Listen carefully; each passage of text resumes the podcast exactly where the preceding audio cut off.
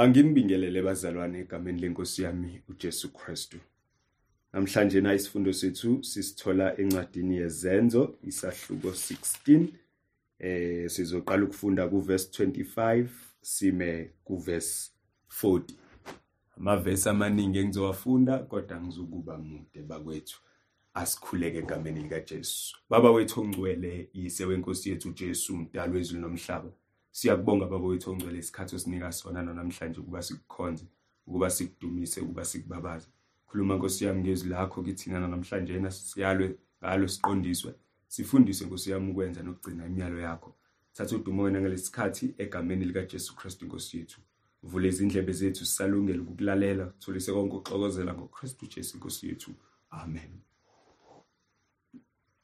Kufundeka kanjena ke bazalwane kwizenzo chapter 16 verse 25 to verse 40. Kepha phakathi kobusuku oPaul noSila bakhuleka bemdumisa uNkulunkulu ngamahubo iziboshwa zabezwa kwavela ngokuzuma ukuzamazama komhlaba okukhulu kwaze kwazanyazanyiswa izisekelo zetilongo kwavuleka khona lapho iminyango yonke kwathukuluka nezibopho zabo bonke. Kwathi umgcini ziboshwa ephaphama wabona iminyango yetilongo ivulekile. Wayesehosha inkemba efuna ukuzibulala ngokuba wathi iziboshwa ziphunyukile. Kepha uPaul wamemeza ngezwi elikhulu wathi ungazilimazi ngokuba sikhona sonke.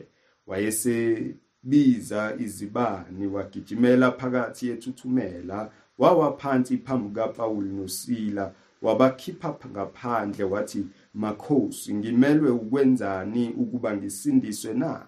Bona bathi kholwa inkosi uJesu ikhona uzakusindiswa wena nendlu yakho. Base bemshumayeza izwi likaNkuluNkulu yena nabo bonke ababesendlini yakhe. Wabathatha ngaleso sikhathi sasebusuku wabageza imvimbo wabhabhadiswa khona lapho. Yena nabo bonke abakhe wabenyusela endlini wababekela ukudla wathokoza kanye nendlu yakhe yonke ngokukholwa nguNkulunkulu. Kepha sekusile izinduna zathuma izikhonzi zathi bakhulule labo bantu umgcini ziboshwa wabikela uPawuli lawo mazwi wathi izinduna zithumele ukuba nikhululwe ngakho phumani manje nihambe ngokuthula. Kepha uPawuli wathi kuzo basishayile phambi kwabantu singalahlwanga cala thina singabantu abangamaRoma basiphonsa etilongweni. Manje basikhipha ngasese na? Qhabo ukuze akuze bona basikhiphe izikhonzi zabikela izinduna lawo mazwi zona zesaba sezizwa ukuthi bangamaRoma. Zaze zabancenga sezibakhiphile zabanxusa ukuba bamuke emzini. Base bephuma etilongweni bangena kwaLidia kwathi sebebonile abazalwane babaduduza bamuka. Amen. Baba izwi lakho leli linamandla liphefumulelwe nguwe. Khuluma ngalo Nkosi yami namhlanje nangoJesu Kristu inkosi yethu kube kusindiswa kwethu nokuyaleka kwethu. Amen. Bazalwane la esifunda khona sifunda encwadini yezenzo. Incwadi ke yezenzo kuthiwa incwadi yezenzo ngoba irecorda izenzo. Ikakhulukazi eh ngijwayele ukuthi mina incwadi yezenzo ezikamoya ongcwele ngoba uJesu mehamba uyala abafundi bakhe uthi ningamuki eJerusalema ningakamamkeli umoya ongcwele noma engakehli umoya ongcwele. And uma sefikile umoya ongcwele uza kunenza ofakazi. Ngamanye amazwi ke uma ke umoya ongcwele sefikile abafundi bazoqala bahambe bafakaze ngoJesu. Umoya ongcwele ozobenza bakwazi ukufakaza. Ngakho ke lezi zenzo ezenziwa abapostoli bazenza ngoba umoya ongcwele usekubo ngamanye amazwi izenzo zikamoya ongcwele through abapostoli. So ke nanamuhla ke sibuka umoya ongcwele esebenza kubapostoli noma esebenza kuPauli noSilas. Uma ke esebenza ngalaba ababili into eyenzakalayo laba bobabili baphumile on a mission work. Uma bephume on a mission work baphuma ukuya koshumayela bashumayela ivangeli. Mabesahamba beshumayela ivangeli noma behamba bekhuluma ngomyalezo kaNkuluNkulu eindaweni abafike kuyo bahlangana eh, ku chapter 16 bahlangana eh nentombazanyana. La la lamufunda nje la ngaphezulu eh kulama verse angenhle singakabafundi ko verse 16 kuya ku 24 bahlangana nentombazane. Mabehlangana naleyo ntombazane leyo eh lithi iBhayibheli yayinomoya wobungoma ihamba la laba madodana noma izingceku zikaNkuluNkulu laba bayiz bayizikhonzi zikaNkuluNkulu kanjani kanjani? Liyabaveza nje eh iBhayibheli ukuthi ke lentombazane kahlehle ithini ngabo? Ukuthi laba bayincenzi noma bayizikhonzi zikaNkuluNkulu ophezukonke bashumayela izwi.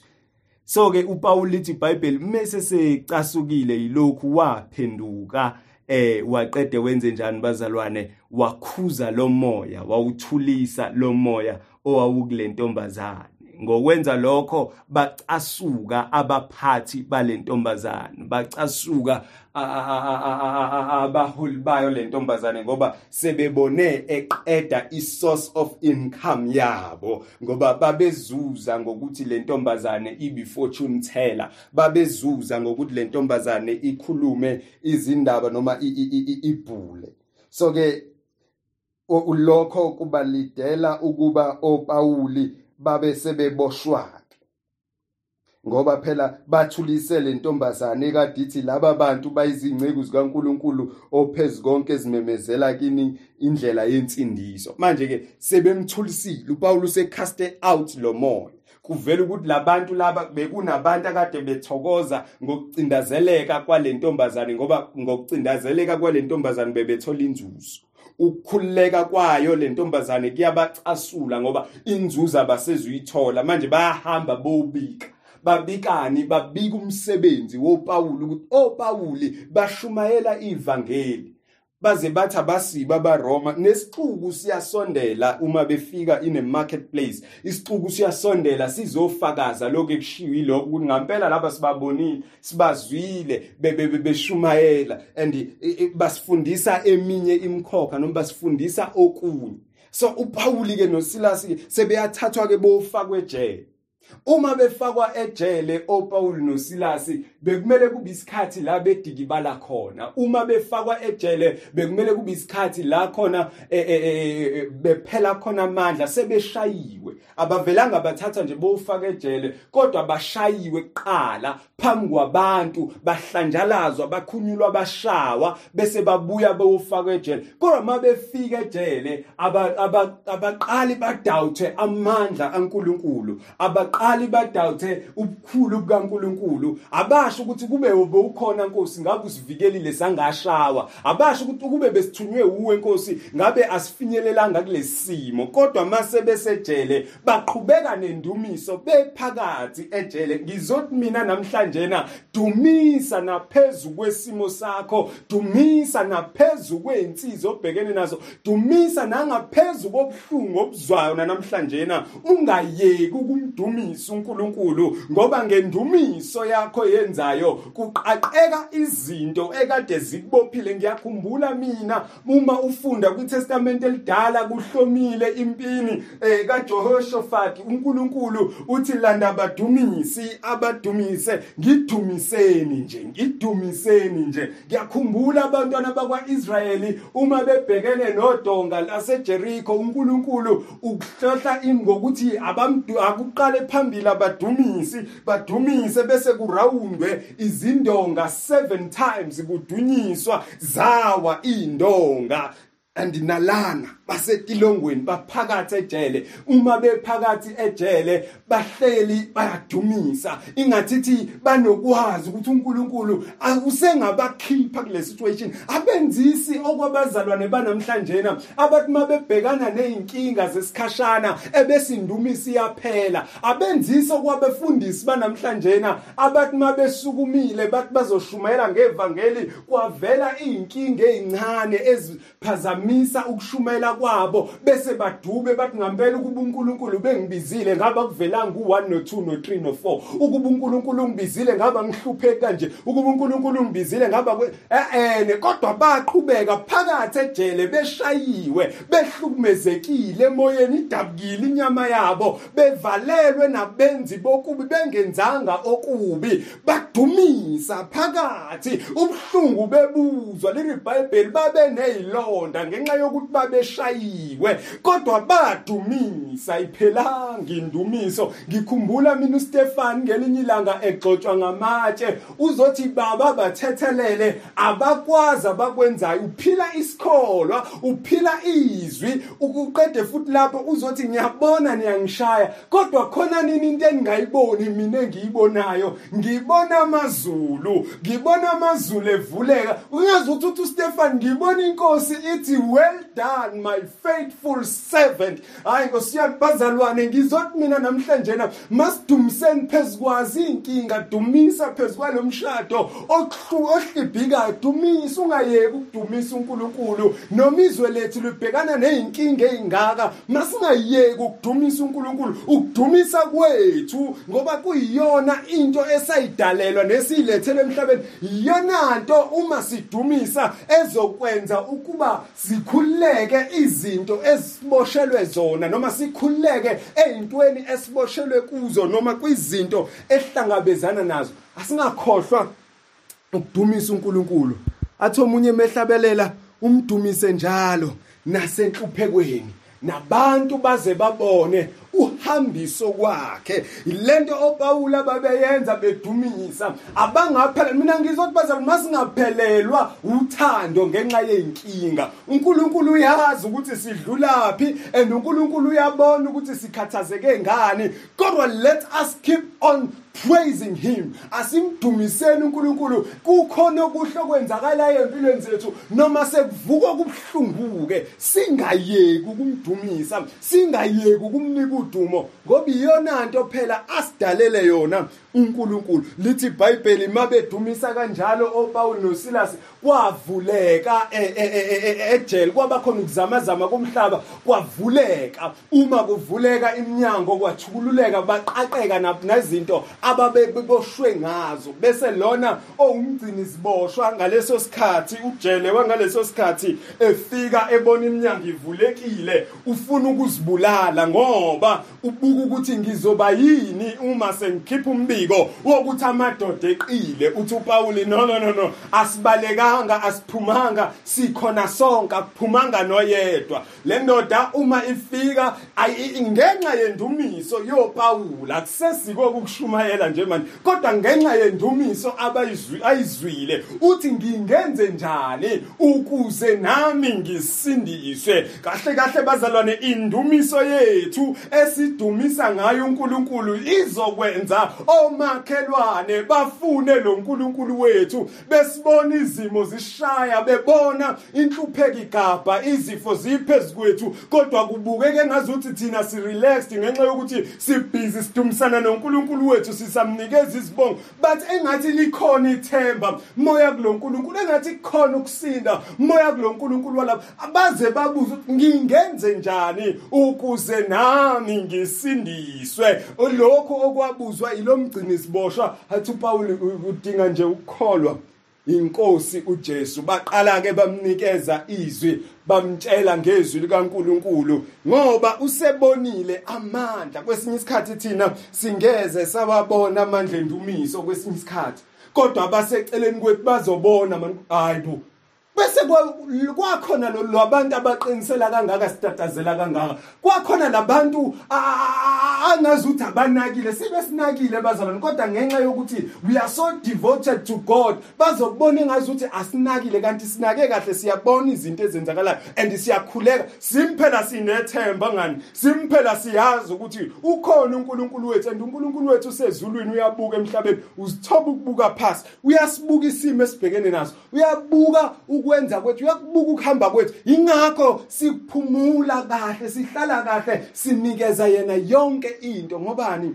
We know ukuthi ungakithi and uthi omunye emehlabelela ngelinye ilanga ukuhlabelela kuyamthokozisa odabukileyo. Kungenzeka ukuba uPaul noSilas la babehlabelela nje ngoba befuna ukuthokoza nje befuna into nje ezobathokozisa. Kodwa into eyenzakalayo uNkulunkulu uzoshow apha e, e, e, ebuhlungwini ababuzwayo einhlungwini ekushayiweni ekuhlambalazweni ekucindazelweni akade beyikho. uNkulunkulu uzoveza amandla osindiso ingakho ngithe mangiqala le ndaba ngathi mina izenzo zikamoya ongcwele lezi amehlo enyama opawule babengaboni mhlawumbe ukuthi kwakumele bayominister lapha ejele kodwa ukuboshwa kwabo kwavula umnyango weministry ukuthi mabefika laphana bafika badumisa and iziboshwa zezwa ukudumisa kwabo lisho kahle iBhayibheli lithi neziboshwa zazibalalele. Uma efika nalomuntu lona kwasho ukuthi kune divine appointment ukuze lo mgcini wesiboshwa asinde.